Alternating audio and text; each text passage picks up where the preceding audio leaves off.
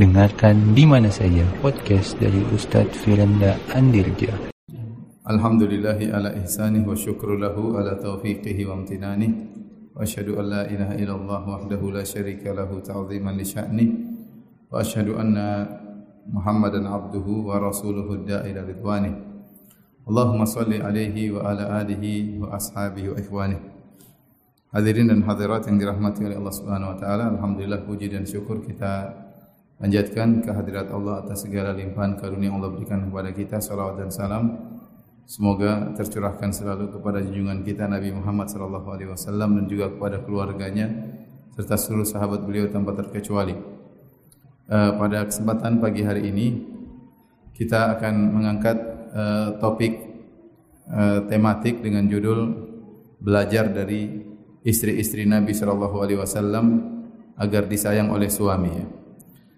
Adapun uh, kitab tauhid karena bukunya sudah habis, sekarang bukunya sedang dicetak bab 1 sampai bab 26. Mudah-mudahan dalam 2 bulan sudah sudah uh, selesai dan bisa dipakai nanti insyaallah.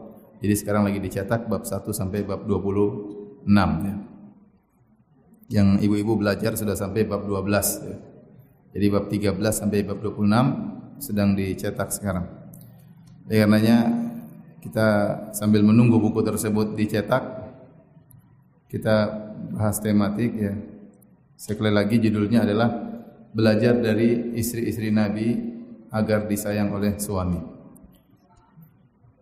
Hadirin dan hadirat yang rahmati Allah Subhanahu wa taala. Uh, sesungguhnya suami adalah ujian bagi seorang wanita. Karena jika seorang wanita lulus dalam ujian tersebut bisa menghadapi suami dengan baik, maka dia akan sangat mudah masuk surga Allah Subhanahu wa taala. Dan sebaliknya jika ternyata dia tidak lulus menghadapi suaminya berperangai buruk dan kasar kepada suaminya, maka dia sangat mudah untuk masuk neraka jahanam maka suami adalah ujian yang sangat berat bagi seorang wanita. Dalam satu hadis dari Al Husain bin Mihsan, anna ammatan lahu atatin Nabi sallallahu alaihi wasallam.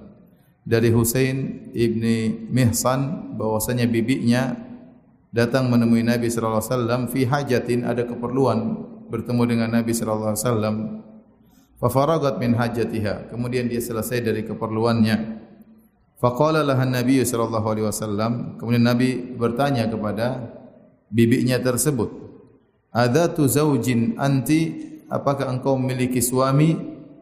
Qalat na'am. Kata bibinya, "Iya, saya memiliki suami." Qala kaifa anti lahu? Bagaimana sikapmu terhadap suamimu? Qalat ma'aluhu illa ma'ajiztu anhu. Aku sungguh-sungguh berusaha semaksimal mungkin berbuat baik kepada suami suamiku kecuali yang tidak aku mampu. Perhatikan jawaban wanita ini. Ma aluhu illa ma ajaztu anhu. Aku bersungguh-sungguh untuk berbuat baik kepada suamiku kecuali yang tidak aku mampu. Qala maka Nabi mengomentari, "Fanzuri aina anti minhu." Maka lihatlah bagaimana kondisimu di hati suamimu fa inna ma huwa jannatuki wa naruki sungguhnya suamimu itu adalah surgamu dan nerakamu. Hadis riwayat Al-Imam Ahmad dan yang lainnya dengan sanad yang hasan. Ini sangat tegas Nabi mengatakan bahwasanya suami itu adalah surga bagi seorang wanita atau neraka bagi seorang wanita. Berarti suami itu ujian, ibtila, ujian bagi seorang wanita. Bagaimana dia menghadapi suaminya? Dari sikapnya tersebut menentukan dia surga atau neraka. Dan ini didukung dengan hadis yang lain. Contoh seorang wanita yang taat, yang menyenangkan hati suaminya, ya maka Nabi SAW mengatakan, "Idza sallatil mar'atu khamsaha wa shamat syahraha wa hafizat farjaha wa ata'at ba'laha, qila laha udkhilil jannata min ay abwabin syi'ti."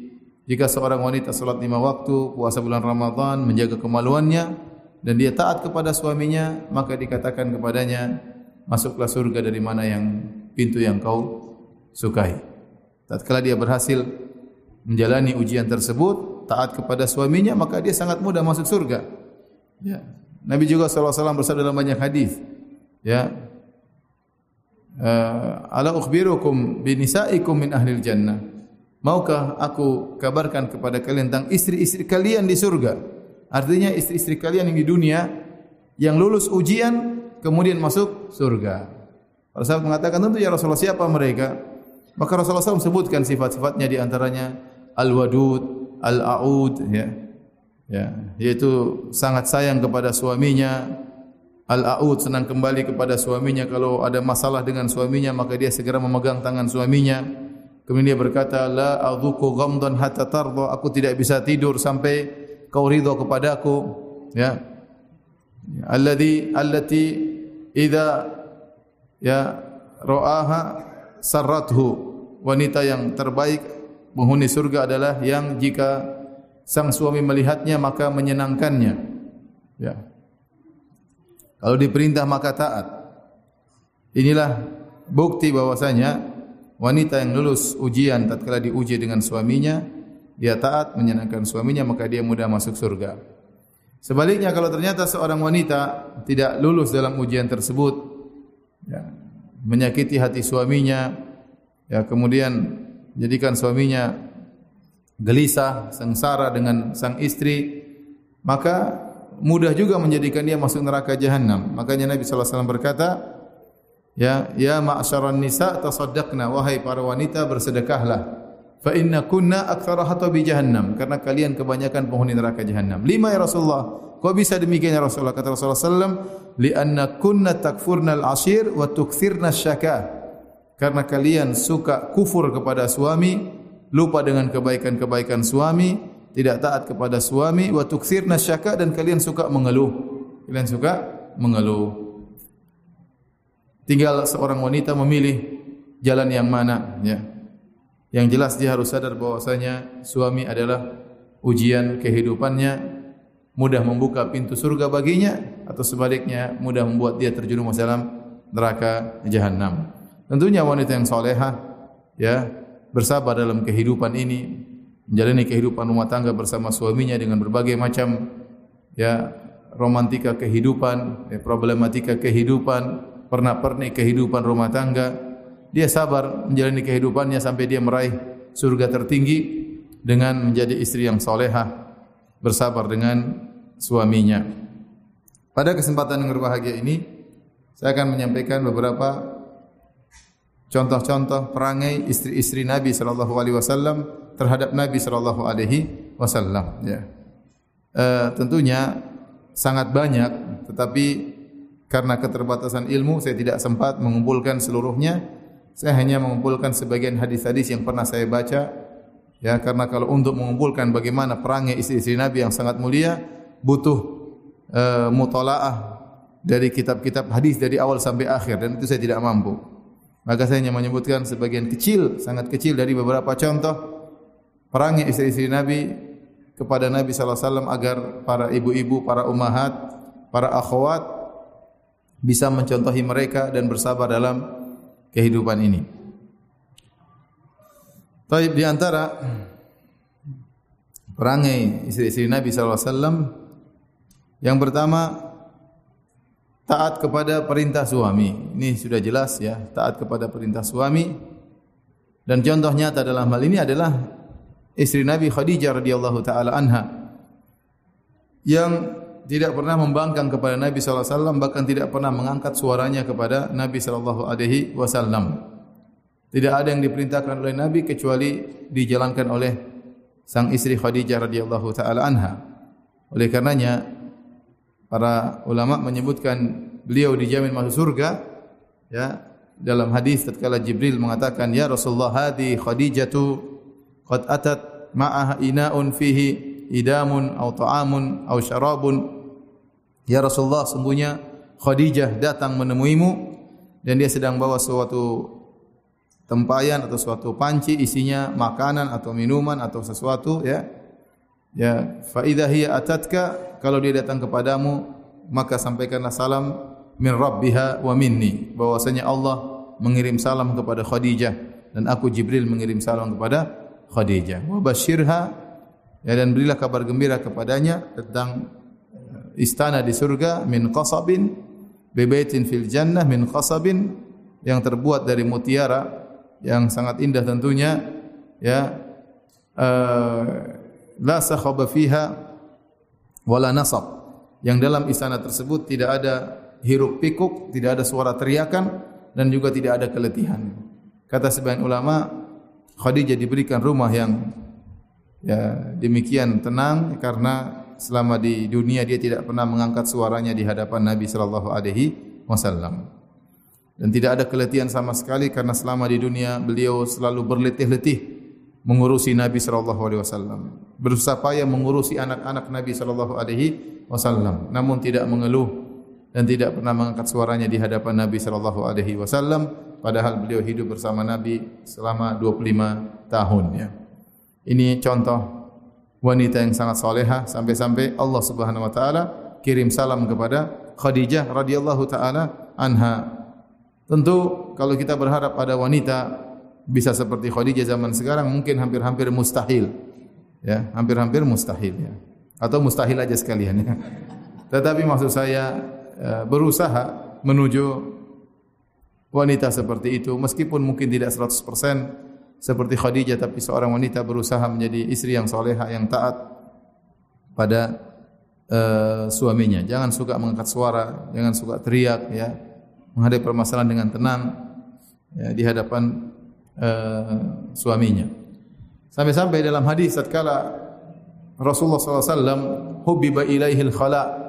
Waktu Rasulullah SAW bermimpi kemudian mulai suka untuk berkhalwat untuk menyendiri maka Nabi SAW pergi ke Jabal Nur ke Gua Hira. Waktu mau pergi Nabi SAW minta bekal kepada ah, Khadijah radhiyallahu taala anha ya layaliya dawatil adat yaitu Rasulullah untuk menginap di gua tersebut beberapa hari. Kemudian Rasulullah SAW naik ke gunung, kemudian berdiam di situ. Kalau makanannya sudah habis, Rasulullah SAW turun lagi ke Khadijah, minta lagi makanan. Kemudian pergi lagi berhari-hari. Kalau sudah habis, turun lagi. Semua itu Khadijah tidak pernah protes. Mas, mas, ngapain ke gunung mas? Sudah, di sini aja, tidak usah jauh-jauh. Ini makanan habis minta lagi makanan. Dan semua itu Khadijah tidak pernah komentar, tidak pernah menyakiti hati suaminya. Kemudian waktu Nabi ketemu Jibril alaihissalam, Nabi pun ketakutan, Nabi pun turun dalam kondisi gemetar. Nabi SAW berkata, Zammiluni, zammiluni. Selimuti aku, selimuti aku. Itu pun Khadijah langsung menyelimuti Nabi. Tidak banyak tanya. Kan saya sudah bilang mas, ngapain jauh-jauh? Masih enggak nurut sama mami? Tidak ada begitu. Udah tinggal ambil selimut kasih. Apa yang diperintahkan Nabi dia laksanakan. Sampai Nabi mengatakan wasubu alayya bima'in barid. Tuangkan air dingin di atas tubuhku karena Nabi ketakutan. Khadijah nurut aja. Nurut. Ya. Tidak ada protes tidak ada ya mencela suaminya tidak ada menyalahkan. Ini adalah wanita yang sangat super spesial. Oleh karena Nabi selalu mengenang siapa? Khadijah radhiyallahu taala anha. Ya Kata Nabi wasallam, "Waqad ruziktu hubbaha." Aku telah diberi anugerah oleh Allah mencintai Khadijah radhiyallahu taala anha. Baik, kemudian eh, dan ini tentu tidak sama dengan istri-istri Nabi wasallam, istri Nabi yang lain ya. Ya tidak mereka sempurna tapi tidak seperti Khadijah radhiyallahu taala anha. Khadijah memang luar biasa hidup bersama Nabi di saat-saat sulit. Ya, di saat-saat sulit di saat dakwah sedang diserang, saat dakwah sedang dihalangi, di saat suaminya sedang dicaci maki, maka Allah memilihkan istri pertama bagi Nabi adalah wanita yang sangat spesial yaitu Khadijah radhiyallahu taala anha. Adapun istri-istri Nabi yang lain, Nabi sudah di Madinah, kemudian Nabi sudah memiliki suatu negeri ya dan kondisi lebih kondusif dibandingkan waktu Nabi masih di di Mekah. Ya. Taib. Di antara akhlak istri-istri Nabi sallallahu alaihi wasallam yaitu sabarnya mereka dalam menghadapi kehidupan yang sulit ya. Menghadapi kehidupan yang sulit ekonomi yang pas-pasan. Ya tahu bagaimana Nabi sallallahu alaihi wasallam hidupnya ya sulit ya, tidak bermewah-mewahan tapi dalam kondisi sangat-sangat sederhana ya. Sangat-sangat sederhana ya. Oleh karenanya Umar waktu ketemu Nabi sedang tidur Umar melihat di kamar tidak ada apa-apa. Cuma ada beberapa kulit yang sudah disamak ya. Adapun tidur Nabi wasallam sampai ada bekas tikar di uh, di lambung Nabi sallallahu alaihi wasallam. Sampai Umar berkata, "Ya Rasulullah, Romawi, Persia, mereka diberikan dunia." Sampai Nabi wasallam menegur Umar, ya. Apakah engkau ragu wahai Umar, ya. ya. Mereka diberikan dunia, ya. Adapun kita diberikan apa? Akhirat. Intinya kehidupan Nabi sangat uh, sederhana. Sempat pernah istri-istri Nabi sallallahu alaihi wasallam mengeluh minta tambahan. Tambahan ya. Karena kekurangan, karena kekurangan. Nabi selalu kekurangan, selalu kekurangan. Pernah istri-istri Nabi minta tambahan kepada Nabi sallallahu alaihi wasallam. Akhirnya datang teguran dari Allah Subhanahu wa taala untuk memberi pelajaran kepada istri-istri Nabi sallallahu alaihi wasallam. Maka turunlah ayat-ayat yang Allah sebutkan dalam surat Al-Ahzab yaitu firman Allah Subhanahu wa taala ya ayuhan nabi qul li azwajika in kuntunna turidina al-hayata ad-dunya wa zinataha fata'alaina umati'kunna wa usarrihkunna sarahan jamila wa in kuntunna turidina Allah wa rasulahu wad daral akhirah fa inna Allah 'adda lil muhsinati minkunna ajran 'azima wahai nabi katakanlah kepada istri-istrimu kalau kalian menghendaki dunia dan perhiasannya maka kemarilah aku akan berikan sebagian dunia kepada kalian. Lalu aku ceraikan kalian dengan cerai baik-baik. Tidak tidak ada makian. Tidak ada dendam. Ya cerai baik-baik. Tapi kalian tidak bisa hidup sama saya. Saya hidupnya seperti ini. Penuh dengan kekurangan. Kalau kalian ingin dunia, kemarilah saya akan kasih dunia yang masih ada padaku. Ya. Wa usarrihkunna sarahan jamila. Dan aku akan menceraikan kalian dengan cara baik-baik. Tetapi wa in kuntunna turidinallaha wa rasulahu wad daral akhirah. Tetapi kalau kalian ternyata menghendaki Allah dan Rasulnya dan kehidupan akhirat, maka Allah akan memberikan menyediakan bagi orang-orang yang baik di antara kalian ganjaran yang besar. Setelah turun ayat ini, maka seluruh istri-istri Nabi SAW memilih untuk bersabar hidup dengan Nabi sallallahu alaihi wasallam. Mereka tidak lagi menuntut kepada Nabi sallallahu alaihi wasallam setelah diberi teguran pelajaran langsung dari Allah Subhanahu wa taala. Kata para ulama, Allah menyiapkan mereka untuk Nabi sallallahu alaihi wasallam. Jika perangai mereka tidak pantas bagi Nabi, maka tidak pantas untuk menemani Nabi sallallahu alaihi wasallam. Setelah Allah tegur mereka, maka mereka pun berubah. Lalu Allah turunkan ayat untuk memuliakan mereka. Kata Allah Subhanahu wa taala, "La yahillu lakan nisa'u min ba'du wala antabaddala bihinna min azwajin walau a'jabaka husnuhun illa ma malakat yaminuk. Kata Allah Subhanahu wa taala tidak halal bagi engkau wahai Muhammad untuk menikahi wanita-wanita yang lain. Dan tidak boleh kau gantikan istrimu dengan wanita yang lain. Meskipun wanita-wanita yang lain tersebut menakjubkan engkau cantik menyenangkan engkau. Allah larang nabi untuk ganti istrinya dengan wanita lain dan Allah melarang Nabi untuk menikah lagi dengan wanita yang lain. Kenapa? Karena istri-istri Nabi sudah ditegur oleh Allah dan mereka menjalankan apa? perintah Allah Subhanahu wa taala. Maka setelah itu mereka hidup dengan penuh kesabaran bersama Nabi sallallahu alaihi wasallam yang penuh dengan kekurangan. Betapa sering di rumah Nabi sallallahu alaihi wasallam tidak ada makanan, ya. Betapa sering di rumah Nabi tidak ada makanan. Juwairiyah istri Nabi sallallahu alaihi wasallam mengabarkan suatu hari anna Rasulullah SAW dakhala alaiha. Rasulullah SAW masuk ke rumah Juwairiyah. Faqala Rasulullah SAW berkata, Hal min ta'amin, apakah ada makanan? Qalat la, tidak ada wahai Rasulullah. Wallahi ya Rasulullah, ma indana ta'amun illa azmun min syatin. U'tiyathu maulati minas sadaqah. Tidak ada makanan sama sekali, enggak ada. Kecuali hanya tulang kambing ya tadi budakku diberi sedekah. Dia punya budak dia beri sedekah uh, tulang kambing ya tulangnya ini lumayan kalau taruh di air jadi apa? Kuah tulang. Jadi tulang kambing.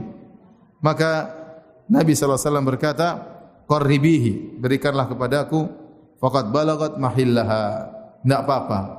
Itu halal ya Nabi SAW tidak makan sedekah, tapi kalau sedekah itu diberikan kepada orang lain, orang lain berikan hadiah kepada Nabi, maka Nabi boleh makan. Nabi boleh makan. Artinya, tidak ada apa-apa di rumah.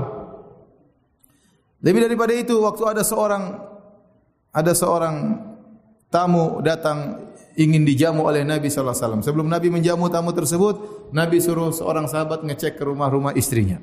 Maka setiap ditanya kepada istrinya semuanya menjawab walladzi ba'atsaka bil haqq ma indana illa ma. Sampaikan kepada suami kami demi Allah yang telah mengutusmu dengan kebenaran di rumah tidak ada apapun kecuali hanya air putih. Bagaimana kita mau jamu tamu?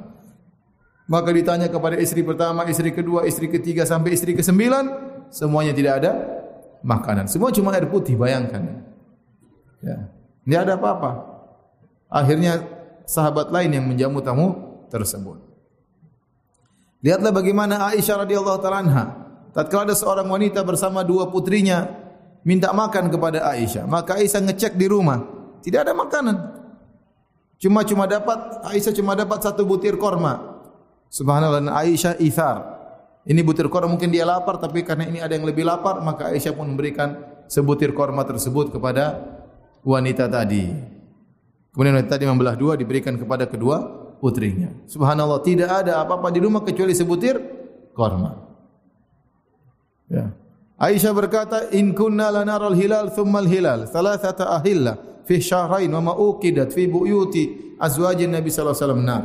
Kami lihat hilal muncul, hilal muncul, hilal muncul dan tidak ada yang dinyalakan api di rumah istri-istri Nabi sallallahu alaihi wasallam.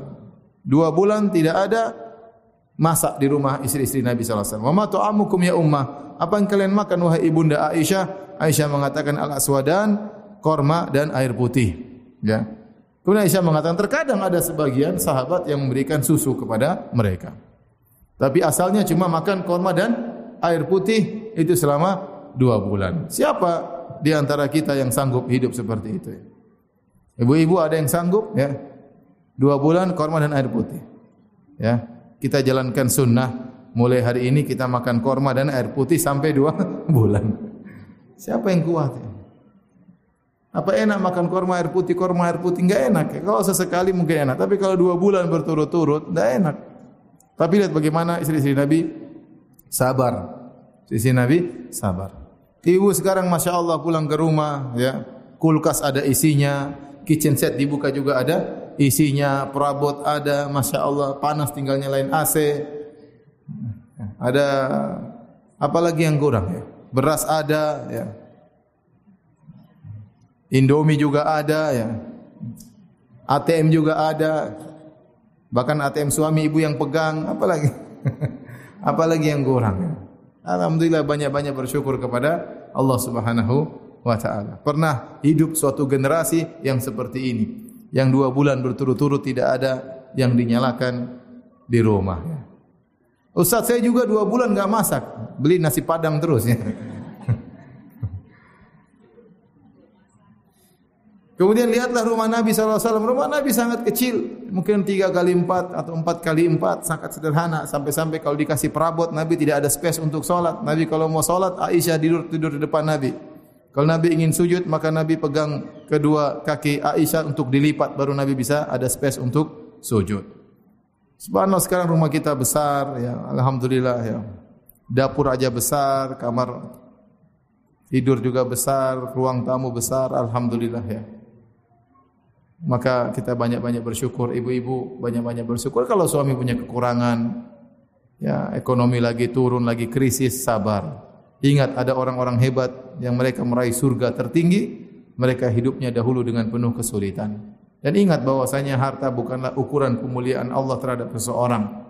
Ya, jangan kita sangka kalau Allah muliakan kita maka Allah akan kita harta yang banyak. Kalau Allah mengurangi harta kita berarti kita tidak dimuliakan oleh Allah. Kata Allah, "Kalla, sekali-sekali tidak demikian." Bisa jadi Allah kasih harta kepada orang yang Allah benci dan bisa jadi Allah berikan kepada Allah Allah cintai. Yang penting seorang bertakwa kepada Allah. Selama kondisi apapun ekonomi kita, kita masih solat, masih bisa sholat duha, masih bisa ikut pengajian, masih bisa baca Quran, maka itu karunia luar biasa dari Allah Subhanahu wa taala. Itulah di antara akhlak istri-istri Nabi sallallahu alaihi wasallam, mereka bersabar dengan sulitnya kehidupan Rasulullah sallallahu alaihi wasallam. Dan mereka tidak pernah mengeluh lagi. Mereka tidak pernah menuntut lagi kepada Nabi sallallahu alaihi wasallam setelah mereka ditegur oleh Allah Subhanahu wa taala. Baik, berikutnya di antara akhlak istri-istri Nabi sallallahu alaihi wasallam adalah mereka berkhidmah kepada Nabi sallallahu alaihi wasallam. Mereka melayani Nabi sallallahu alaihi wasallam. Jadi seorang wanita di rumah terkadang jadi permaisuri, terkadang jadi pembantu. Harus sadar hal tersebut. Jangan jadi permaisuri terus ya. Terkadang merangkap pekerjaan apa? Pembantu ya. Tapi dia bukan pembantu tentunya ya. Dia adalah seorang permaisuri yang rajin. yang rajin berkhidmah kepada suaminya ya. Tentu tidak sama kita bermuamalah dengan istri dengan pembantu, jauh berbeda. Tapi dia harus sadar bahwasanya seorang istri yang soleha berkhidmah kepada suaminya. Saya akan uh, sebutkan bagaimana beberapa hadis tentang khidmah istri-istri Nabi kepada Nabi sallallahu alaihi wasallam. Dalam banyak hadis dalam Sahih Bukhari dan yang lainnya, Maimunah radhiyallahu taala anha berkata, "Wada'tu lin Nabi sallallahu alaihi wasallam guslan." Aku menyiapkan air untuk mandi Nabi sallallahu alaihi wasallam. Jadi kalau Nabi sallallahu alaihi wasallam mandi, istri Nabi yang menyiapkan air. Istri Nabi yang menyiapkan air. Ya. Kemudian kalau Nabi wasallam selesai mandi, fa ataituhu bi khirqah, aku pun mendatangkan kain buat Nabi. Handuknya disiapkan. Gak usah Nabi panggil-panggil, Maimunah, Maimunah. Enggak. Dia tahu kapan Nabi selesai mandi, dia siapkan. Dulu rumah mereka tidak seperti zaman sekarang mungkin tinggal gantung, tinggal apa. Rumah sangat sederhana. Ya. Oleh karenanya, kalau Nabi mandi maka diperhatikan oleh siapa? Maimunah radhiyallahu taala anha, diperhatikan oleh istrinya. Airnya dipersiapkan, Nabi mandi dengan air tersebut. Kalau sudah selesai mandi, maka dia pun mendatangkan Nabi dengan handuk. Namun terkadang Nabi menolak memakai handuk tersebut. Tapi intinya dia siapkan. Ya Maimunah berkata, aku pun mendatangkan handuk kepada Nabi wasallam, falam yuridha. Nabi tidak ingin. Nabi tidak ingin pakai handuk tersebut. Kemudian Nabi pun mengepaskan kedua tangannya untuk menghilangkan air dari tubuhnya. Dan Maimunah juga tidak protes. Sudah dibawain handuk enggak dipakai. Ya, dikasih handuk, tidak mau ya sudah. Yang penting dia sediakan, ya pakai enggak pakai, yang penting menunjukkan pelayanan kepada suami. Ini dalil bahwasanya wanita yang soleha berkhidmah kepada istrinya. Di antara dalil bagaimana para istri-istri Nabi melayani Nabi sallallahu alaihi wasallam uh, Kata Aisyah radhiyallahu taala anha, "Kuntu urajjilu ra'sa Rasulillah sallallahu alaihi wasallam wa ana haid." Aku menyisir rambut kepala Nabi sallallahu alaihi wasallam sementara aku dalam kondisi haid. Jadi ternyata penampilan Nabi juga diperhatikan oleh istrinya. Istri yang soleha memperhatikan penampilan apa? Suaminya. Sampai rambut suaminya dia yang sisirkan. Sampai rambut suaminya yang sisirkan istrinya. Aisyah tidak membiarkan Nabi sisir sendiri. Aisyah yang apa? Sisirkan. Masya Allah. Ya. Nanti juga harusnya demikian. Suaminya disisirin. ya. Jangan biarkan dia nyisir sendiri. Lama-lama disisirin sama wanita yang lain kalau begitu caranya. Nanti yang sisirkan rambutnya, disisirkan rapikan jenggotnya, ya. Disisirkan. Sementara Aisyah dalam kondisi haid. Bahkan tatkala uh, Rasulullah SAW sedang iktikaf. Kata Aisyah radhiyallahu taala anha, "Kana wa kana yukhriju ra'sahu ilayya wa huwa mu'takifun fa aksiluhu wa ana haid." Dan Nabi sallallahu alaihi wasallam ketika sedang iktikaf, dinding antara Masjid Nabawi dengan rumah Nabi satu dinding dan ada jendela. Jadi Nabi wasallam kalau ingin menyisir rambutnya, maka Nabi mengeluarkan kepalanya di dinding tersebut, jendela tersebut untuk disisir oleh siapa? Aisyah radhiyallahu taala anha. Subhanallah. Dalam kondisi itikaf, Nabi masih nyempat-nyempatkan rambutnya disisir oleh istrinya. Dan Aisyah tidak tidak protes sama sekali. Sudah mas masih itikaf, itikaf saja ya enggak. Saya juga banyak kegiatan enggak. Masih banyak WhatsApp belum dibuka. Subhanallah. Aisyah nyisir siapa rambut Nabi sallallahu alaihi wasallam. Ya. Dia enggak mengatakan, "Mas, Mas repot-repotin belok-belokin kepala." Udah nih sisir-sisir sendiri, enggak. Ya. Subhanallah, Nabi Nabi Nabi begitu masukkan kepalanya ke jendela. Dan itu dilihat oleh para sahabat. Nabi tidak peduli dia. Ada masalah. Memang istri saya berkhidmat kepada saya. Ya. Istri saya melayani saya sampai rambut saya pun disisir oleh istri istri saya. Ibu-ibu coba saya tanya, yang terakhir nyisirin rambut suaminya coba angkat tangan. Hah? Siapa yang pagi ini nyisir rambut suaminya? Minggu lalu? Hah? Bulan lalu? Enggak ada nyisir rambut apa? suaminya. Kasihan suaminya tiap hari nyisir rambut sendiri. Rambutnya botak. Ya.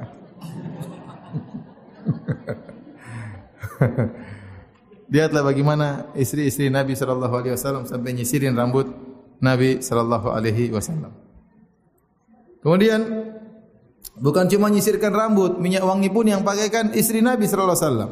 Kata Aisyah radhiyallahu taala anha, "Kuntu utayyibun nabiy sallallahu alaihi wasallam bi atyabi ma yajid.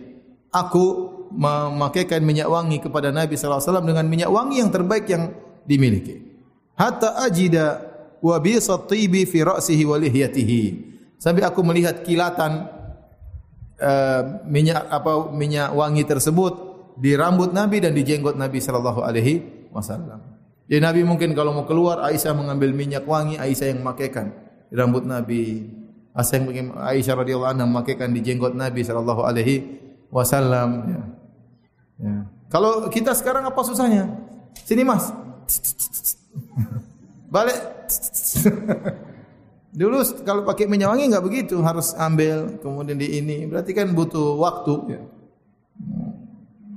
Tetapi Aisyah dengan telatennya yang menyisir rambut Nabi sallallahu alaihi wasallam, memakaikan minyak wangi di rambut Nabi, di jenggot Nabi, di badan Nabi sallallahu alaihi wasallam. Itu pun Aisyah memilih minyak wangi yang terbaik untuk suaminya Rasulullah sallallahu alaihi wasallam. Jadi ini dalil bahwasanya Aisyah memperhatikan tentang kondisi Nabi sallallahu alaihi wasallam, tentang penampilan Nabi sallallahu alaihi wasallam.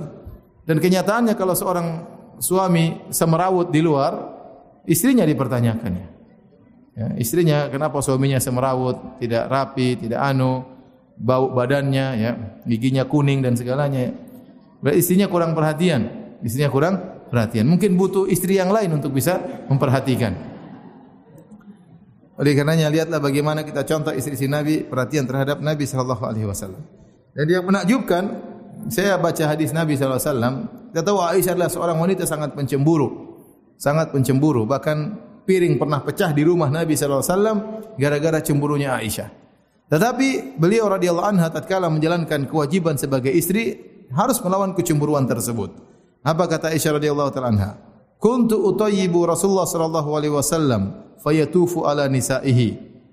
Aku memakaikan memakaikan minyak wangi kepada Nabi, lalu Nabi menggilir istri-istrinya.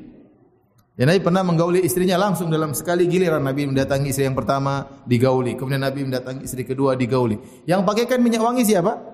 Aisyah radhiyallahu anha. Bayangkan seorang wanita memakaikan minyak wangi pada suaminya untuk pergi ke istri yang kedua.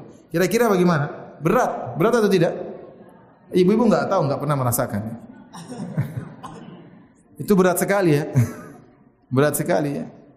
Bagaimana seorang wanita memakaikan minyak wangi kepada suaminya untuk suaminya mendatangi madu-madunya, untuk menemui madunya yang pakaikan minyak wangi istrinya. Aisyah pencemburu, tetapi karena ini adalah tugas sebagai seorang istri untuk melayani suaminya, maka dia pakaikan minyak wangi buat suaminya agar suaminya mendatangi apa?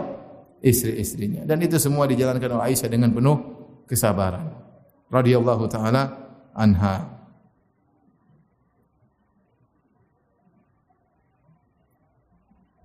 Kemudian juga terkadang Nabi wasallam memerintahkan untuk menyediakan sesuatu, mengambil sesuatu. Dalam hadis dan ini suatu perkara yang biasa dalam kehidupan rumah tangga Nabi sallallahu alaihi wasallam istri melayani suami. Kata Aisyah radhiyallahu taala anha qala li Rasulullah sallallahu alaihi wasallam Rasulullah sallam pernah berkata kepadaku nawilini al khumrata min al masjid. Wahai Aisyah, tolong ambilkan sajadah atau semacam kain dari masjid. Nabi suruh artinya di rumah keluar ke masjid ngambil sajadah untuk masukkan ke rumah. Maka qalat fakultu aku berkata kata Aisyah, "Ini haid ya Rasulullah. Aku sedang haid. Bagaimana aku mau ke masjid ngambil sajadah?" Kata Nabi sallallahu alaihi wasallam, "Inna haidhataki laisat fi yadiki." Haidmu bukan di tanganmu. Enggak apa-apa, masuk aja ke masjid ambil apa? Sajadah kan kau tidak mengotori sajadah tersebut karena haidmu bukan di tanganmu. Yang jadi perhatian kita di sini uh, adalah Nabi menyuruh memerintahkan Aisyah untuk mengambil apa? sesuatu dan Aisyah langsung menjalankan perintah tersebut. Ya. Oleh karenanya istri yang solehah dia mau berkhidmah kepada suaminya selain karena dia cinta kepada suaminya tapi hendaknya dia kerjakan karena Allah Subhanahu wa taala. Dia ingin meraih surga tertinggi dengan berkhidmah kepada suaminya. Sekali lagi saya katakan suami itu ujian kesabaran. Seorang harus sabar menghadapi suaminya, taat kepada suaminya, bertutur kata yang halus kepada suaminya, lemah lembut kepada suaminya. Ya. Tentu ibu-ibu mengatakan suami kita juga harus begitu Ustaz. Ini pembahasan tentang istri ya. ya. Nanti kalau kita bicara tentang para laki itu urusan lain ya. Insya Allah kita juga ingatkan. Tapi sekarang nasihat kita ditujukan kepada para para istri. Maka hendaknya mereka memperbaiki diri mereka berhias dengan akhlak istri-istri Nabi sallallahu alaihi wasallam. Kemudian di antara bentuk para istri-istri Nabi melayani Nabi sallallahu alaihi wasallam yaitu istri-istri Nabi merawat Nabi sallallahu alaihi wasallam ketika Nabi sedang sakit. Ketika Nabi sedang sakit. Dirawat oleh istri-istri Nabi sallallahu alaihi wasallam. Sampai akhirnya tatkala Nabi susah untuk berpindah dari satu rumah ke rumah yang lainnya karena Nabi SAW meskipun beliau sakit beliau tetap menjalani gilir, mabit. Istri pertama malam ini, istri kedua malam berikutnya tapi tatkala beliau sakit berat harus pindah-pindah rumah. Harus keluar lagi berjalan terkadang di papa menuju ke rumah berikutnya. Nanti pindah rumah lagi. Tapi Nabi tetap berusaha untuk menjalankan kewajibannya sebagai suami. Akhirnya Nabi minta izin untuk dirawat di rumah Aisyah radhiyallahu taala anha. Kata Aisyah radhiyallahu taala anha lamma thaqula Rasulullah sallallahu alaihi wasallam washtadda bihi waja'uhu. Tatkala Nabi sallallahu alaihi wasallam semakin berat sakitnya semakin berat untuk bangkit berat ya karena sakit yang sangat parah istadzana azwajahu an yumarrada fi baiti. Maka Nabi pun minta izin kepada istri-istri Nabi yang lain agar beliau dirawat di rumah Aisyah radhiyallahu taala anha fa adzinna lahu. Maka istri-istri Nabi yang lain pun mengizinkannya. Jadi dirawat di rumah Aisyah, terkadang istri Nabi yang lain datang, nengok Nabi bareng-bareng. Ya. Tapi intinya mereka merawat ya, Nabi SAW. Terkadang sebagian, saya takjub dengan sebagian wanita, ya, yang sabar luar biasa tatkala suaminya sakit. Ya. Biasanya yang sering terjadi, suami lebih dahulu meninggal daripada istri. Ini sering terjadi. Oleh karenanya, jumlah janda lebih banyak daripada duda. Kenyataannya demikian. Eh, dia laki-laki umur 60 70 tewas, istrinya masih hidup ya. Masih lama. Sebab sebab laki meninggal banyak dia terkadang meninggal karena sakit, terkadang karena pekerjaan, pekerjaannya eh, terkadang berhadapan dengan hal-hal yang berbahaya ya. Tapi kebanyakan memang demikian. Kebanyakannya lebih banyak janda daripada duda. Ya. Sehingga sering kita dapati bagaimana para wanita merawat suaminya di masa sakit. Ini itu sering kita dengar. Dan mereka begitu sabar merawat suami. Ini istri yang benar-benar istri yang soleha, yang tahu berbalas budi kepada suaminya. Suaminya dulu kerja keras setengah mati untuk memberi nafkah kepadanya. Tatkala suaminya sakit, dia sabar merawat apa? Uh, suaminya. Ya. Oleh karenanya, istri-istri Nabi mereka merawat Nabi Sallallahu Alaihi Wasallam sampai akhirnya Nabi Sallallahu Alaihi Wasallam meninggal meninggal dunia. Ya. Kemudian di antara akhlak istri-istri Nabi wasallam adalah bersabar tatkala sedang marah. Bersabar tatkala sedang marah. Namanya kehidupan rumah tangga tidak lepas dari pertikaian, tidak lepas dari cekcok ya. Terkadang perang mulut dan yang lainnya. Tapi seorang harus bisa menempatkan dirinya tatkala sedang sedang dalam kondisi marah ya. Subhanallah, masalah rumah tangga tidak habis-habis. Hampir tiap hari kita dengar masalah apa? Rumah rumah tangga. Tadi pagi saja masalah rumah tangga saya terima telepon sampai lama. Masalah rumah tangga. Berapa banyak orang datang ke rumah masalah rumah tangga. Sampai ada kawan saya datang ke rumah dalam kondisi sangat kurus. Padahal istrinya tiga. Kenapa? Karena di, semuanya bermasalah. Bayangkan. Kita punya istri satu masalah sampai satu. Istri tiga masalah semua. Apa enggak setengah mati? Ya kalau semuanya bahagia tambah gemuk ya. Ini tiga-tiganya ada masalah. Badan kurus kasihan saya melihatnya. Ini masalah rumah tangga, ya ada yang masya Allah bahagia, ada yang luar biasa. Tapi banyak orang namanya masalah, ya pasti ada. Tergantung kuantitasnya banyak atau sedikit. Kalau banyak berarti rumah tangga tidak sehat. Kalau sedikit itu wajar. Kalau sedikit itu wajar. Ya. Seminggu sekali ribut ya biasalah. Namanya juga rumah tangga. Ya. Namanya juga rumah tangga. Tapi kalau tiap hari ribut, tiap hari angkat suara, ini rumah tangga tidak sehat. Harus ada yang diperbaiki. Harus di segera diatasi. Ya. Intinya namanya kehidupan rumah tangga pasti ada permasalahan. Sampai dalam rumah tangga kehidupan Nabi wasallam pun terkadang ada masalah, terkadang istri Nabi marah. Terkadang istri Nabi alaihi wasallam terkadang marah. Tapi lihatlah bagaimana kalau mereka marah. Kata Aisyah radhiyallahu taala anha, Qala li Rasulullah sallallahu alaihi wasallam. Rasulullah sallam berkata kepadaku, Rasulullah sallam berkata kepadaku, "Inni la a'lamu idza kunti anni radiyatan wa idza kunti alayya ghadba." Kata Aisyah, "Ya Rasulullah, aku tahu," kata Rasulullah, "Ya Aisyah, aku tahu kapan kau lagi marah kepadaku dan kapan kau lagi senang kepadaku." Ya Nabi berkata, "Ya ya Aisyah, aku tahu kapan kau lagi marah dan kapan kau lagi tidak marah. Ini menunjukkan Aisyah menahan amarahnya. Tapi Nabi tetap bisa membedakan. Kalau kita istri-istri zaman now pasti ketahuan lagi marah. Ya. Entah ada piring yang pecah, ya. entah telepon dimatikan, ya. entah teriakan suara, ya. ya ketahuan. Tidak perlu tidak perlu kita berkata kepada istri kita, saya tahu kapan kamu marah, kapan enggak. Karena pasti ketahuan kalau lagi apa? Marah. Jadi sekarang pernyataan Nabi kepada Aisyah, Sungguh saya tahu kapan kau sedang marah dan kapan kau sedang tidak marah. Berarti Aisyah menyembunyikan atau tidak? Menyembunyikan. Aisyah juga tidak berkata, ya jelas ketahuanlah. Tidak. Aisyah berkata, bertanya, ya. Wa min aina ta'rifu dzalik? Dari mana kau tahu aku sedang marah? Subhanallah. Berarti Aisyah meredam. Lagi marah dia apa? Tahan. Sampai-sampai dia heran kok Nabi tahu dia sedang marah. Berarti dia tahan atau tidak?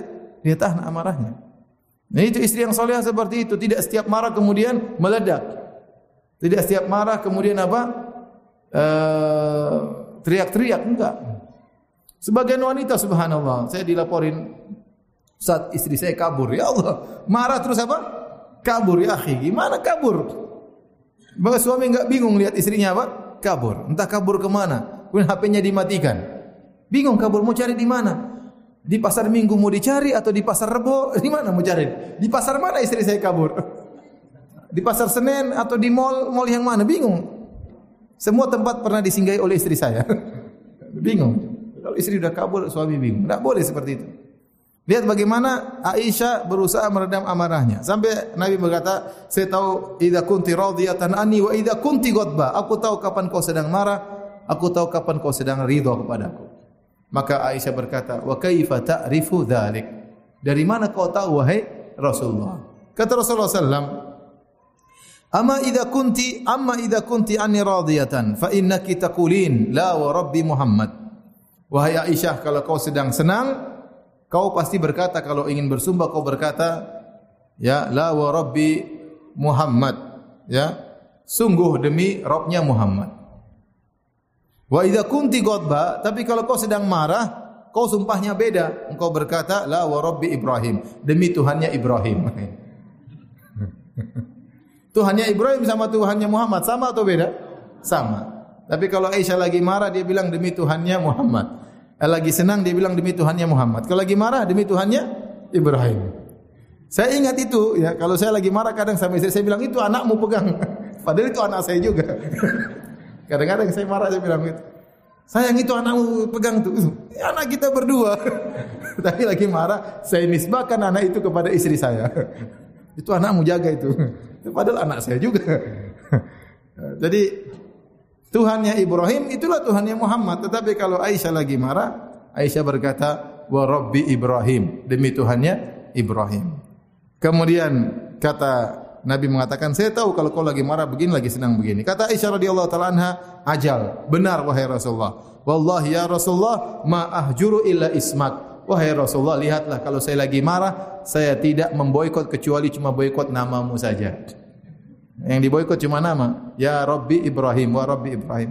Adapun Aisyah tetap dekat Nabi, lagi jengkel, kalau bersumpah hanya mengatakan demi Tuhannya Ibrahim. Adapun badan tetap dekat dengan Nabi sallallahu alaihi wasallam. Ini pelajaran bagi para ibu-ibu kalau lagi marah tahan diri, ya. Jangan langsung asal ngamuk, jangan langsung asal teriak-teriak, jangan langsung kunci pintu, kunci pintu enggak dibuka-buka ya. Jangan kemudian kabur dengan Grab ya jangan. Sudah di rumah saja, sabar hadapi permasalahan, tahan diri. Kalau enggak kuat nangis, sudah kita enggak kuat nangis saja sudah. Enggak usah perlu teriak-teriak. Eh, suami yang baik insya Allah iba lihat istrinya seperti itu. Pasti ada masalah ya. Tapi kalau lihat teriak marah-marah, suaminya pun bisa ikut marah-marah. Taib. Yang berikutnya, di antara akhlak istri-istri Nabi kepada Nabi SAW adalah bagaimana menjalin cinta dengan Nabi SAW. Ya, bagaimana melayani Nabi SAW dalam hal masalah uh, kemesraan. Ya, karena di antara ciri-ciri penghuni surga dari istri-istri di dunia kata Nabi sallallahu alaihi wasallam al-wadud, yaitu istri yang sangat penyayang kepada suaminya. Sayang sama suaminya, perhatian sama suaminya, ya. Tadi Nabi diperhatikan, minyak wanginya dipakaikan, rambutnya disisirkan dan seterusnya. Kata Aisyah radhiyallahu taala anha, kita bacakan dari hadis-hadis Aisyah. Kana yattaki'u fi hijri wa ana haidun thumma yaqra'ul Qur'an. Adalah Nabi sallallahu alaihi wasallam bersandar di pangkuanku sementara aku dalam kondisi haid dan Nabi baca Al-Qur'an. Subhanallah. Betapa mesranya sampai Nabi sallallahu alaihi wasallam murajaah Al-Qur'an di pangkuan Aisyah radhiyallahu taala anha. Ya. Ibu demikian, lagi suami lagi murajaah, "Mas, Mas murajaah sini aja, Mas." Ya. Sambil masnya dipijit ya. Masnya murajaah ya, baca Quran ya surat Al-Baqarah kayak surat An-Nisa kayak kalau enggak hafal ya qul huwallahu ahad Allahus samad. Yang penting istri suami murajaah. Ya. Suami sedang murajaah tetap istri mesra dengan suami. Enggak ada masalah. Lihat bagaimana Nabi sallallahu alaihi wasallam meletakkan bersandar di pangkuan Aisyah sambil murajaah Al-Qur'an wa yaqra'ul Qur'an. Sallallahu alaihi wasallam. Kemudian bagaimana Nabi mengajak Aisyah untuk mandi bareng dan Aisyah nurut. Kata Aisyah kuntu aktasilu ana wan Nabi sallallahu alaihi wasallam min wahidin kilana junubun. Aku bersama Nabi mandi bareng dari satu tempayan. Kami berdua dalam kondisi junub. Ya, dalam riwayat fayubadiruni hatta aqula lahu da'li da'li. Maka Nabi melombaiku, ya. Takhtalifu aidina sampai tangan kami berlomba-lomba untuk mengambil air dari tempat bejana air sampai aku berkata da'li da'li sisakan air buatku sisakan air buatku kemudian Aisyah melombai Nabi sampai Nabi berkata da'ili da'ili sisakan air juga buatku sisakan air juga buatku bayangkan mereka mandi di kamar mandi ngobrol di antara mereka penuh kemesraan bercanda di kamar mandi. Masya Allah ya. Bagaimana pasangan suami istri yang sangat bahagia. Jadi kalau suami ngajak istri mandi di kamar mandi bareng-bareng ya sudah nurut aja ya ya mandi barang-barang, makan barang-barang, ya sudah. Ya. Lihat bagaimana Aisyah nurut kepada Nabi sallallahu alaihi wasallam tetap menunjukkan kemesraannya kepada Nabi sallallahu alaihi wasallam. Demikian juga tatkala Nabi sallallahu alaihi wasallam jika sedang berhasrat ternyata Aisyah dalam kondisi haid, Aisyah tidak menolak Nabi sallallahu alaihi wasallam, ya. Kata Aisyah radhiyallahu taala anha, wa kana ya'muruni fa attaziru fayubashiruni wa ana haid. Adalah Nabi sallallahu alaihi wasallam menyuruhku tatkala aku sedang haid untuk menutup bagian bawah pakai sarung, sarungan karena dulu tidak ada tidak ada softtek dan semisal pembalut ya, mungkin ada bau yang kurang enak. Maka Nabi menyuruh Aisyah untuk pakai sarung di bawah. Sarung di bawah. Kemudian Nabi tetap mencembui Aisyah radhiyallahu taala anha. Fayubashiruni dan beliau tetap mencembuiku wa ana haid sementara aku dalam kondisi haid ya. Oleh karenanya ini perhatian kepada ibu kalau suaminya sedang berhasrat kemudian istri sedang haid, maka jangan emas mas lagi libur, lagi haid. Jangan. Tetap dilayani suaminya sampai suaminya mendapatkan kepuasan, tidak harus melalui kemaluan karena sedang dalam kondisi haid, tapi dengan cara yang yang lain yang diperbolehkan dan hukum asal dalam berhubungan adalah dengan cara apapun boleh kecuali cuma dua tatkala sedang haid maka tidak boleh di kemaluan dan tidak boleh melalui dubur itu aja selainnya hukumnya boleh. Lihatlah Aisyah radhiyallahu taala anha ya tetap melayani suaminya. Dan uh, lelaki tidak sama dengan wanita ya.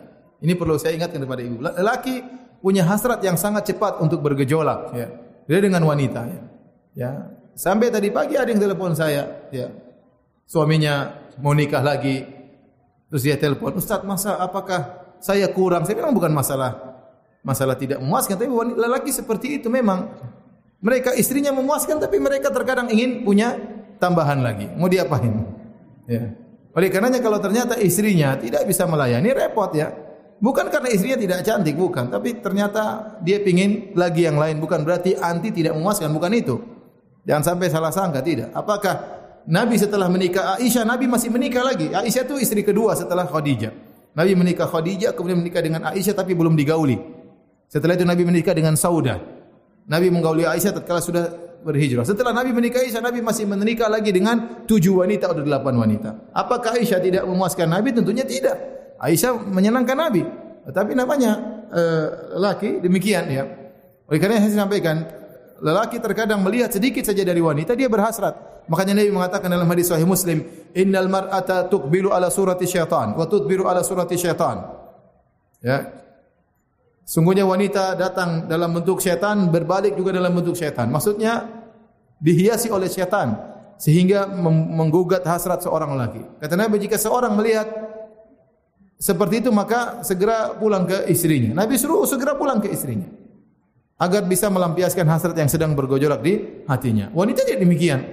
Wanita terkadang melihat sebagian tubuh lelaki tidak hasrat kecuali dalam kondisi tertentu baru hasratnya uh, apa namanya bergejolak. Tetapi laki-laki terkadang melihat sedikit saja bisa berhasrat. Oleh karenanya bisa jadi sang suami berhasrat kepada istrinya, istrinya ternyata, ternyata dalam kondisi haid, maka dia tetap usahakan untuk bisa melayani suaminya. Apalagi dia cuma istri satu-satunya.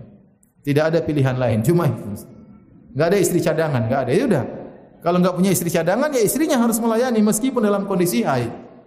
Terkadang istri mungkin mengatakan, "Mas kok tidak mengerti saya sedang haid?" Saya laki-laki lain dengan wanita ibu-ibu, ya laki-laki punya hasrat gejolak yang harus segera dipenuhi. Oleh karena Nabi menekankan dalam hal ini dalam banyak hadis, Dia mengatakan wa in kanat ala qatab, hendaknya sang istri melayani suami meskipun dalam sudah di atas pelana onta.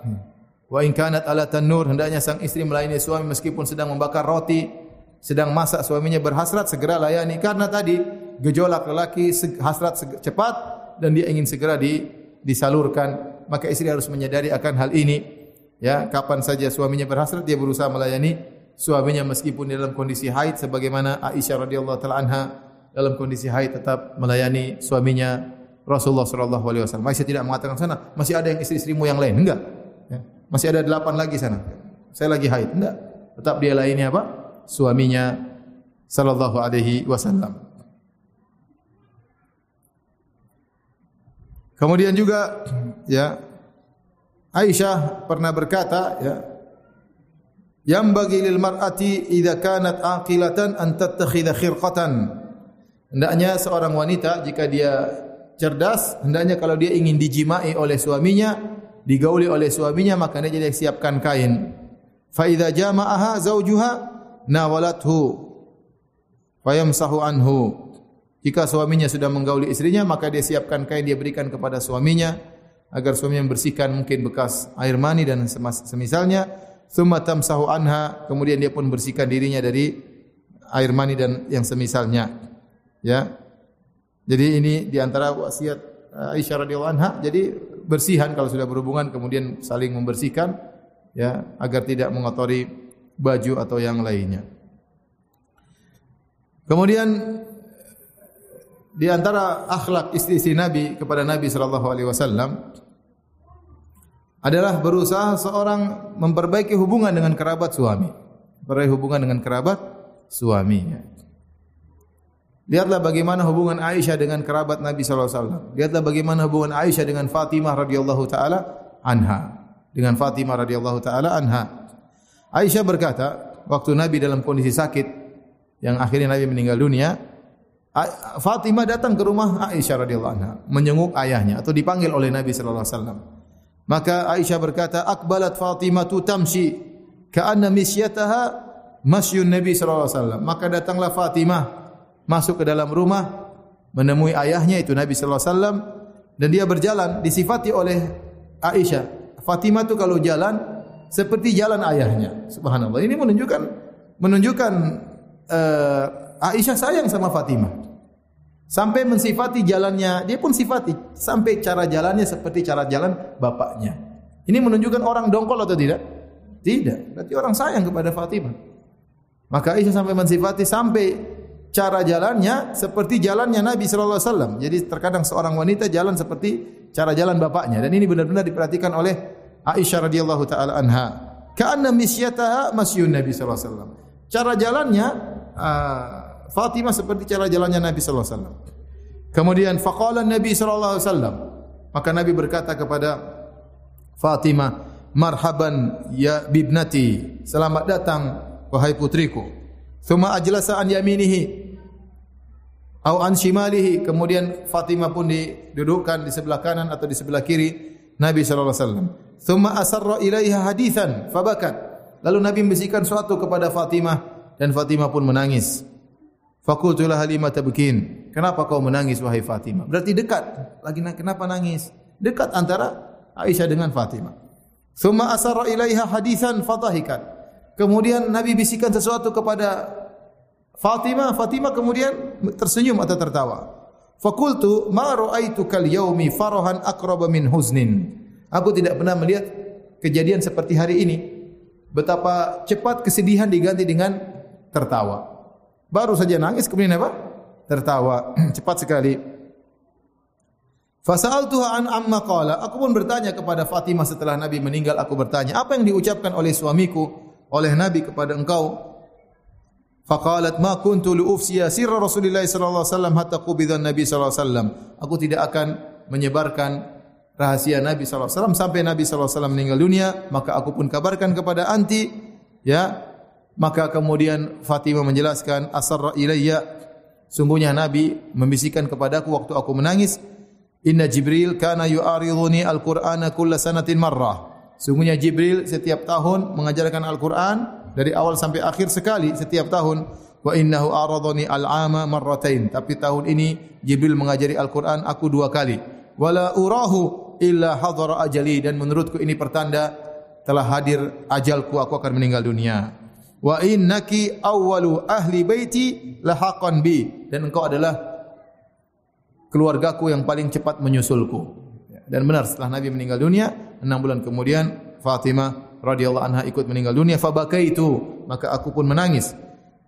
Kemudian tatkala aku menangis nabi berkata ama tardaina an takuni sayyidatan nisa'i ahli jannah atau nisa'il mu'minin? Fa dhahiktu lidzalik kemudian nabi berkata wahai putriku tidakkah kau suka kalau kau menjadi pimpinan wanita penghuni surga atau pimpinan wanita kaum mukminin maka aku pun tertawa setelah mendengar perkataan nabi maksud saya ini hadis menjelaskan bagaimana hubungan yang baik antara Aisyah dengan siapa?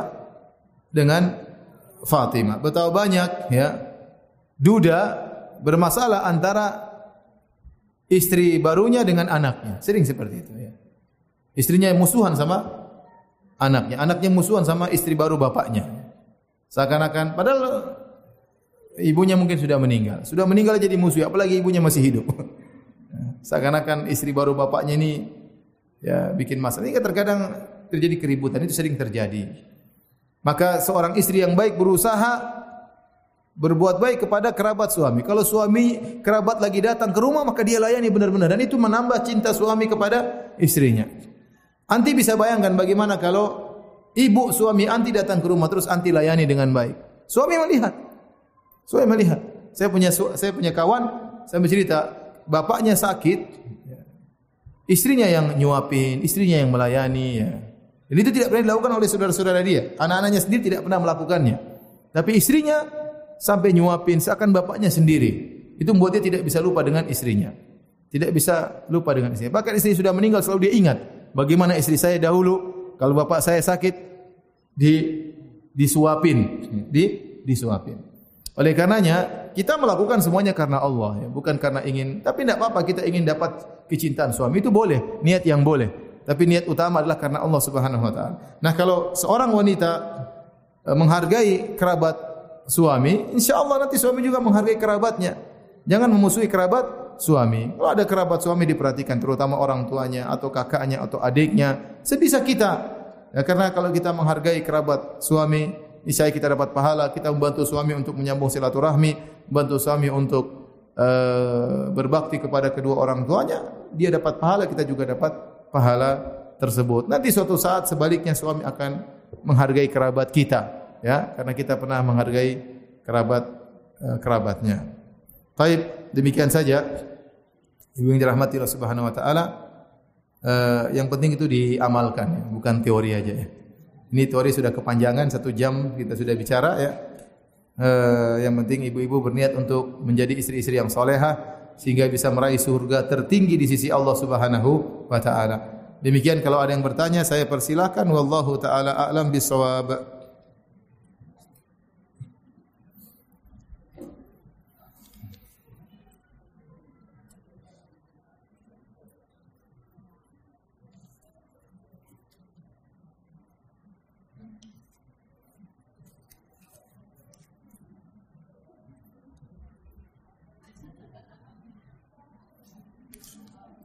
Apa hukumnya apabila suami berprofesi sebagai pengusaha yang bekerja di rumah sedangkan sang istri bekerja kantoran di luar rumah?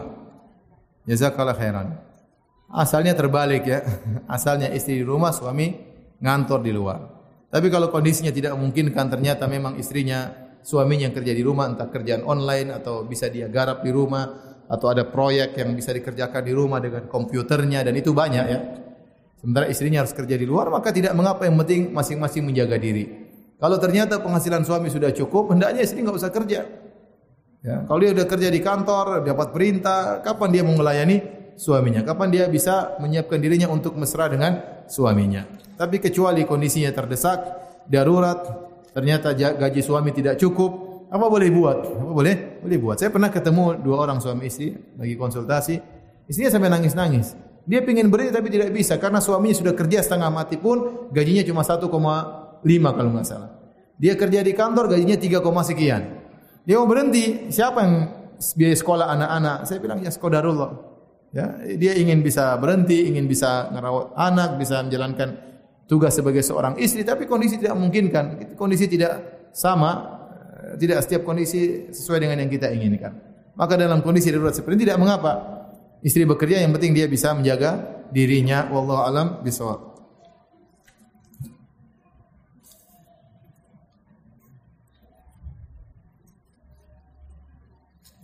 Saya mau bertanya apa hukumnya dalam Islam apabila suami melalaikan hak batin istrinya? Hampir dua tahun. Dan itu terjadi dari tahun ke tahun. Saya tanya kepada suami tapi suami marah ke saya dan akhirnya jadi ribut. Saya kasih waktu tiga bulan untuk suami agar suami bisa berubah dan akhirnya suami bilang saya terserah kamu mau apa.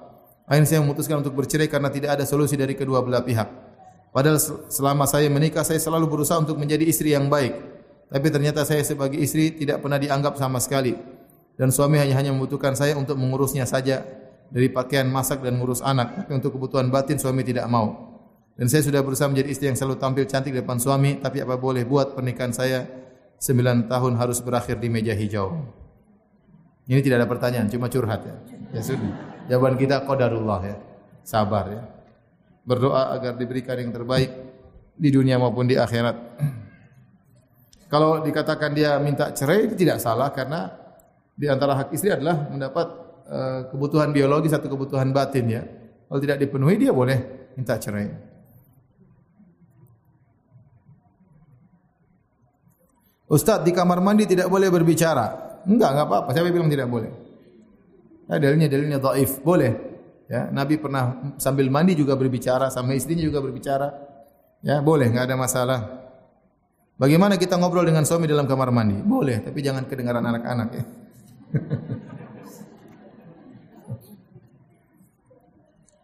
Kalau rumah kita kecil gimana Ustaz? Anak-anak suruh keluar dulu ya, kasih duit suruh belanja. Toko yang jauh sana ya. Lumayan sama sana. Baru kita mandi bareng sama istri.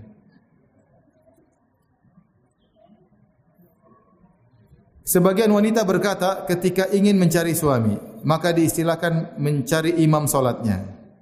Pada lelaki solatnya di masjid dan wanita solatnya di rumah. Maka solat apa yang bisa dilakukan suami istri berjamaah? Apakah boleh seorang laki solat di masjid kemudian solat dia di rumah dan istrinya menjadi makmumnya? Uh, kalau secara hukum boleh-boleh saja, tapi itu bukan kebiasaan para salaf. Ya. Bukan kebiasaan para salaf. Bisa sesekali suami istri solat malam bareng sesekali, bukan setiap hari. Sesekali boleh ya. Karena salat malam uh, berjamaah sesekali diperbolehkan. Namun bukan uh, kegiatan harian. Karena asalnya salat malam seorang berkhulwat dengan Allah Subhanahu wa taala. Dia sendiri istrinya sendiri. Tapi kalau sesekali bareng-bareng tidak jadi masalah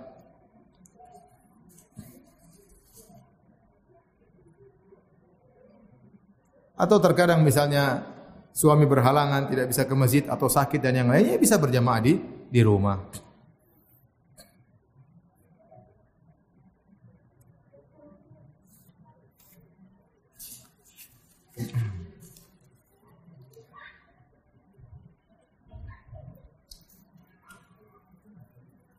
Ustaz, mohon penjelasannya Rasulullah SAW semasa hidup beliau selalu kekurangan atau hidupnya miskin. Selain itu juga Rasulullah SAW memiliki unta yang mahal, bahkan beliau juga bersedekah seratus atau lebih unta lebih uh, ataupun sedekah yang lainnya. Jikalau Nabi miskin, kenapa beliau menikahi janda-janda? Karena Nabi hidup miskin. Bagaimana sebenarnya kehidupan Nabi? Beliau hidup kaya raya ataukah hidup miskin? Rasulullah SAW hidupnya pas-pasan. Tetapi Rasulullah SAW sering mendapat uh, harta dari peperangan. Kalau ada peperangan dia dapat gonimah. Dan kalau dapat gonimah Rasulullah SAW selalu membagi-bagikan kepada uh, fakir miskin, kepada orang susah, kepada Rasulullah SAW tidak suka menyimpan harta. Tapi terkadang dia kaya, kaya sesaat. Artinya dia dapat gonima, kemudian dia bagikan kepada uh, orang-orang yang memerlukan. Ya, orang yang memerlukan. Sampai-sampai begitu miskinnya Nabi tatkala Fatimah radhiyallahu taala anha mendengar Nabi menang dan dapat budak-budak, ya, Fatimah minta ada budak jadikan membantu di rumahnya. Tapi Nabi tidak kasih. Nabi suruh Fatimah untuk berzikir subhanallah alhamdulillah Allahu akbar sebelum tidur. Ya, dia tidak mengatakan saya kepala negara ini ambil, mau berapa pembantu nih? Dua budak ambil. Enggak. Ya, menunjukkan Nabi SAW pun uh, mengajarkan putrinya untuk hidup apa? Uh, mandiri. Ya. Uh, oleh karenanya Nabi uh, secara umum hidupnya susah, terkadang Nabi ada rezeki Nabi segera infakkan di jalan Allah Subhanahu wa taala. Adapun Nabi menikahi banyak istri ya karena Nabi tahu istri-istri Nabi sallallahu alaihi wasallam apa namanya mampu untuk hidup apa? sederhana. Tidak seperti sekarang. Sekarang kalau orang mau istri dua dia perlu ekonomi yang cukup ya. Apalagi tinggal di Jakarta perlu sewa rumah atau perlu beli rumah, ya, perlu kebutuhan apalagi anaknya lima sini lima enggak gampang ya. Enggak gampang. Jadi tentunya persiapan harus lebih matang, tidak seperti dahulu mudah menikah karena kebutuhan tidak banyak seperti zaman sekarang.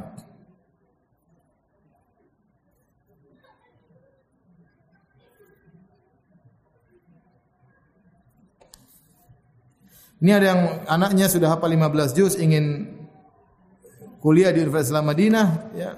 Saya juga tidak tahu cara sudah lama saya tidak tahu cara pendaftaran. Bisa tanyakan kepada mahasiswa yang masih belajar di sana atau yang baru lulus. Saya sudah lama tidak tahu tentang masalah ini karena saya waktu masuk 17 atau 18 tahun yang lalu sudah enggak tahu mungkin caranya sudah berubah. Tetapi modal hafalan 15 juz ini modal yang baik. Ya, kalau dia bisa langsung datang ke Madinah untuk tes dan hafalannya kuat, insya Allah ada perhatian, terutama hafalannya banyak.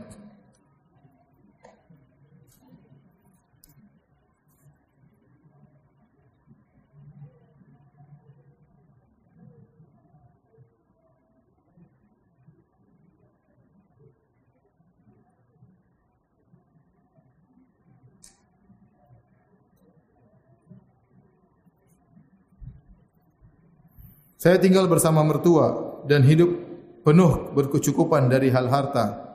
Saya tidak menuntut suami untuk hidup sendiri. Saya berkerudung selalu dalam rumah, saya ridha. Namun saya kesulitan melayani suami karena dia sudah punya segalanya.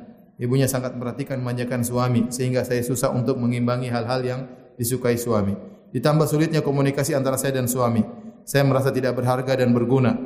Kadang saya merasa suami membenci saya, saya takut dosa walaupun walau saya walau saya harus bersabar. Tolong nasihatnya Ustaz. Saya takut berdosa jika dibenci suami karena kekurangan dalam melayaninya. Kan kita sudah berusaha. Allah mengatakan la yukallifullahu nafsan illa usaha.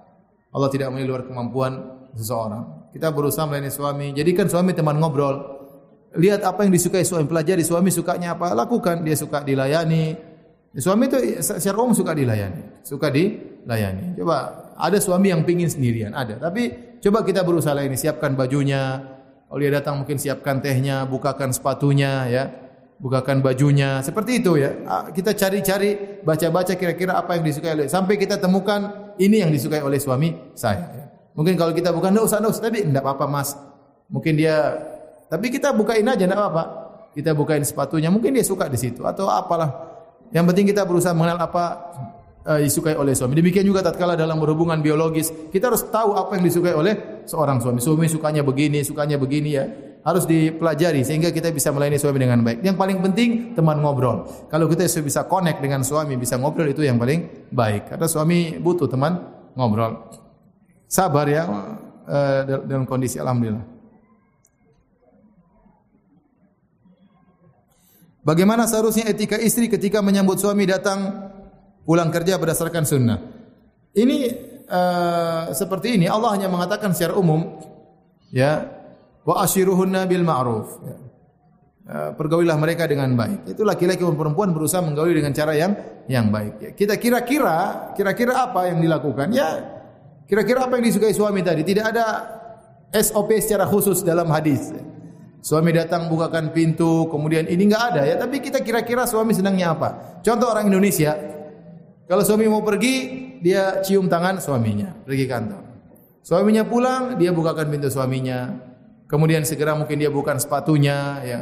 Kemudian makan apa mas? Atau dia, dia sudah siapin. Atau sebelum pulang dia tanya, mas mau sarapan apa? Mas mau makan apa? Sehingga suaminya datang sudah tersedia. Ya itu kira-kira lah. Itu masa perempuan enggak bisa ngerti seperti ini. Kalau enggak bisa tahu bahlul namanya. Ini perkara yang mudah ya. Tinggal berusaha mengenal apa ciri kira-kira yang disukai oleh seorang lelaki. Itu bisa dipelajari. Bagian wanita, masya Allah, kalau suaminya kukunya panjang dia yang potongkan. Ya. Kalau suaminya bulu ketiaknya panjang dia yang cabutkan.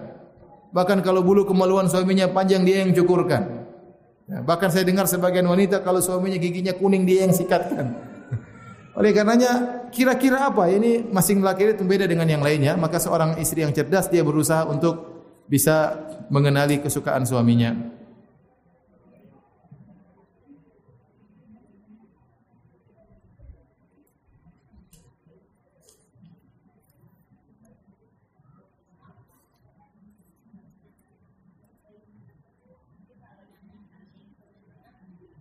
Anda enggak dengar? Saya enggak dengar.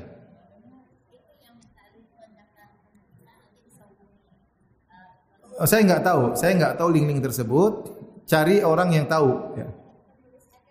Kenapa? Oh ya, yang yang nanti yang mau cari link untuk ke Madinah ada pengurus, temuin pengurus di saf depan. Ya, nanti ya, ibu tadi yang punya anak 15 tahun bisa temui pengurus di depan. Baik, demikian saja kajian kita. Semoga bermanfaat. Mohon maaf banyak pertanyaan tidak bisa saya jawab karena keterbatasan ilmu. Semoga pertemuan kita diberkahi oleh Allah Subhanahu wa taala dan menjadi sebab ditimba, diberatkan timbangan kebajikan kita di akhirat kelak. Demikian subhanakallah bihamdik asyhadu an la ilaha anta astaghfiruka wa Assalamualaikum warahmatullahi wabarakatuh. Ayo segera download Quran Tadabbur tafsir dalam genggaman Anda.